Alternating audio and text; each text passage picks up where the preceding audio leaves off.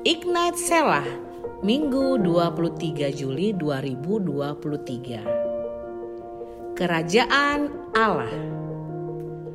Roma 14 ayat 17 Sebab kerajaan Allah bukanlah soal makanan dan minuman tetapi soal kebenaran, damai sejahtera, dan sukacita oleh Roh Kudus.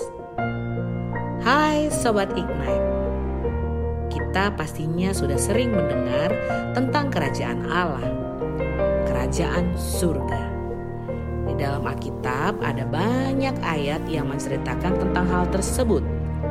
Salah satunya adalah Matius 25, di mana diceritakan perumpamaan tentang kerajaan surga. Sobat Ignite bisa baca ya. Pagi ini ada tiga hal yang mengingatkan kita tentang kerajaan Allah untuk menjadi pegangan kita di kala kita masih ragu atau bimbang melewati hari-hari. Yang pertama adalah kebenaran. Yohanes 8 ayat 31 sampai 32. Maka katanya kepada orang-orang Yahudi yang percaya kepadanya, Jikalau kamu tetap dalam firmanku, kamu benar-benar adalah muridku, dan kamu akan mengetahui kebenaran, dan kebenaran itu akan memerdekakan kamu kebenaran yang berasal dari firman Tuhan. Yang kedua adalah damai sejahtera. Yohanes 14 ayat 27. Damai sejahtera ku tinggalkan bagimu, damai sejahteraku kuberikan kepadamu. Dan apa yang kuberikan tidak seperti yang diberikan oleh dunia kepadamu. Janganlah gelisah dan gentar hatimu. Damai sejahtera artinya tidak gelisah, tidak galau, tidak gentar, memiliki keberanian, percaya diri karena kebenaran Kristus.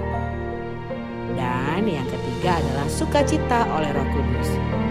Sukacita tidak ditentukan oleh suasana hati kita, tidak dipengaruhi oleh lingkungan sekitar, tapi itu adalah keputusan kita setiap hari untuk tetap bersukacita meski dalam kondisi sulit. So, Sobat Ignite, mari kita tetap berfokus kepada hal-hal yang di atas atau kerajaan Allah, bukan hal-hal yang di bawah atau dunia.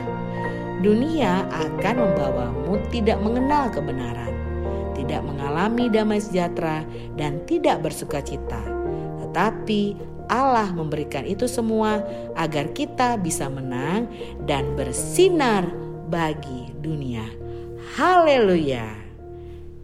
Selamat beraktivitas, Sobat Ignite. Tuhan Yesus memberkatimu.